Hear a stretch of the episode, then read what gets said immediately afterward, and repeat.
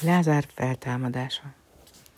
Akkor Jézus megérkezett Betániába, Lázár már négy napja a sírban feküdt. Betánia közel volt Jeruzsálemhez, és a zsidók közül sokan elmentek Mártához és Máriához, hogy vigasztalják őket. Ezért, amikor meghallották, hogy Jézus jön, Mária otthon maradt, és csak Márta ment Jézus elé. Uram, ha itt lettél volna, nem halt volna meg a testvérem, mondta Márta, amint találkozott Jézussal. De tudom, hogy amit csak kérsz Istentől, megadja neked. Feltámad a testvéred, velelte Jézus. Igen, a feltámadáskor az utolsó napon, mondta erre Márta. Én vagyok a feltámadás és az élet. Aki hisz bennem, ha meghal is él, és aki csak él és hisz bennem, soha meg nem hal. Hiszed-e ezt? Kérdezte Jézus.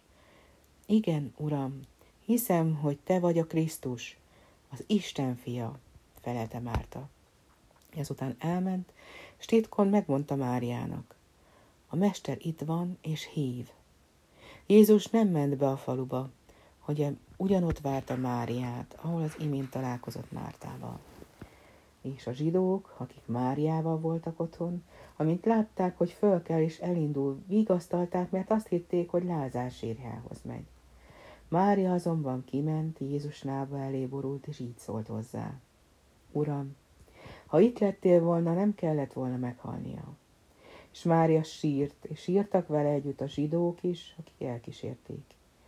Jézus pedig igen elbúsult és megrendült lelkében, majd megkérdezte, hová helyeztétek? És akkor könnyekre fakadt. A zsidók pedig így szóltak, mennyire szerette Lázárt. Mások azonban azt kérdezték, nem tehette volna meg ő, aki a vak szemét megnyitotta, hogy ne halljon meg Lázár. Jézus pedig elment a sziklába vált sírhoz, melynek bejáratát egy nagy kő zárt el. Vegyétek el a követ, parancsolta Jézus. Uram, a halottnak már szaga van, hiszen negyednapos, szólott erre Márta. Nem mondtam neked, hogy ha hiszel, meglátod az Isten dicsőségét? kérdezte Jézus.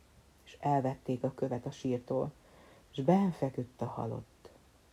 Jézus pedig az égre emelte szemét, és így imádkozott. Atyám, hálát adok neked, hogy meghallgattál engem.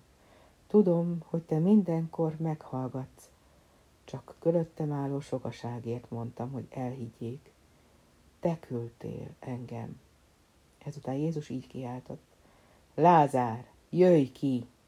És Lázár kijött a halott éleplében. Arcát kendő borította.